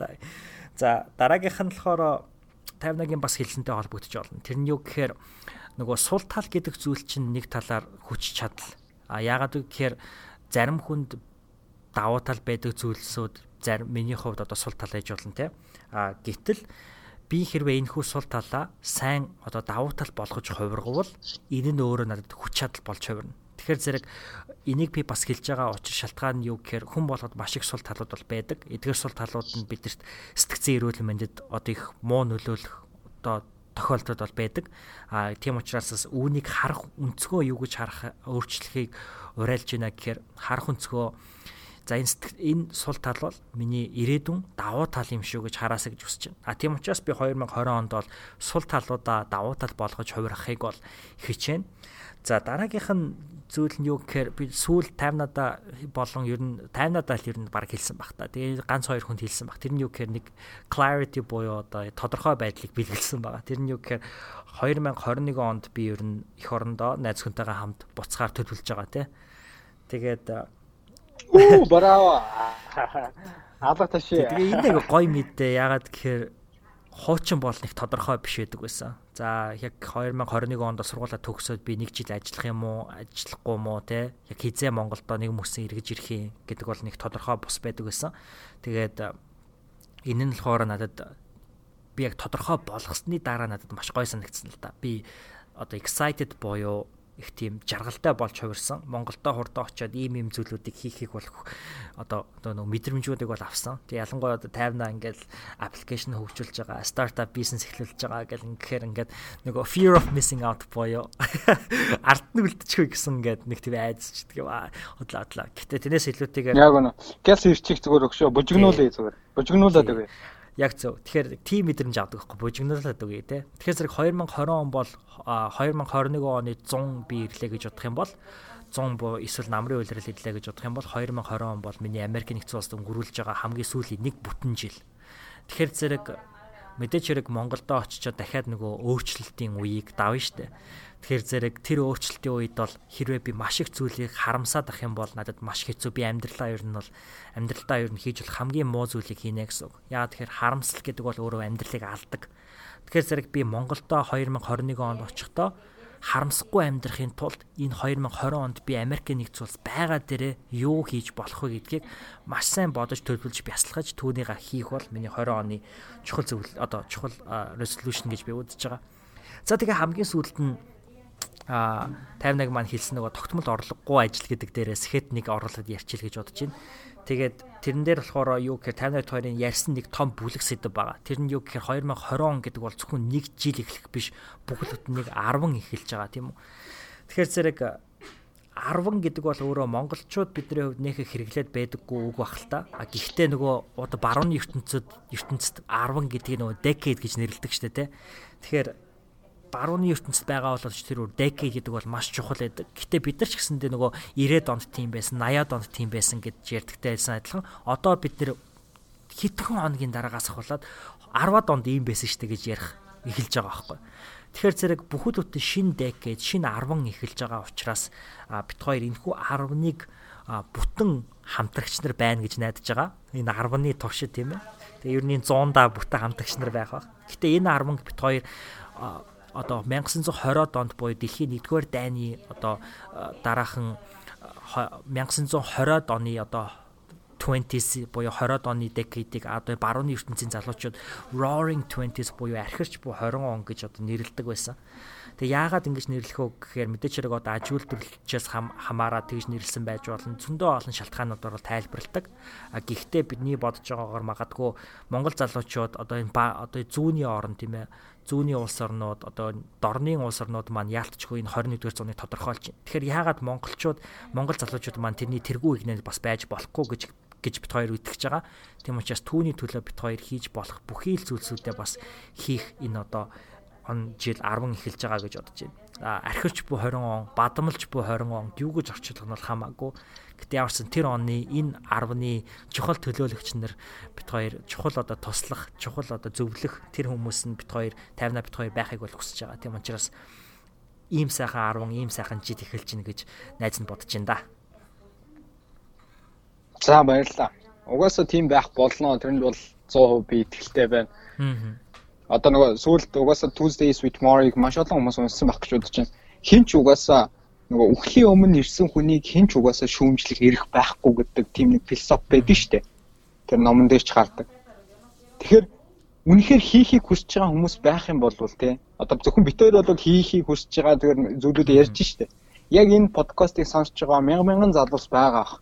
Тэгэхээр үнэхээр ямар нэгэн зүйлийг хийхийг хүсэж байгаа тэгээ эргэлдэж байгаа босод хүмүүс юу гэж бодох бол би хийх үү яах вэ? Тэгж бодож байгаа бол үгүй ээ зүгээр шууд хийгээд үз эхлүүл хамаагүй.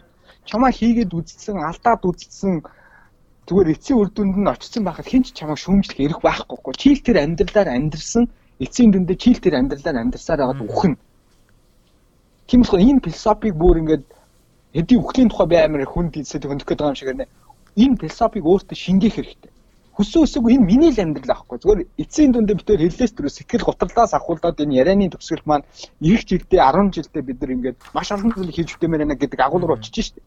Яагаад энэ юм бэ гэхээр үнэн байгаад жинхэнэ утгаараа амьдрсан шиг амьдрьяа л гэдэг. Зөвхөн өөртөө хүссэн өөр өөрийнхөө төлөө дотор хүсэж байгаа тэр хүнийхээ төлөө жинхэнэ утгаараа өөртөө л амьдрьяа л гэдэг зүйлийг л бид тэр юм философиор хилчих шиг боллоо гэдэг санааг л би сая өөрөө ингээд базаад дүгнээд ингээд за окей окей амар их юм байна шүү дээ. Гэхдээ үнэхээр гайхалтай. За цаг гарган ярилцсанд баярлалаа. Утгагүй болох шинэ оноо сайхан гаргаарай.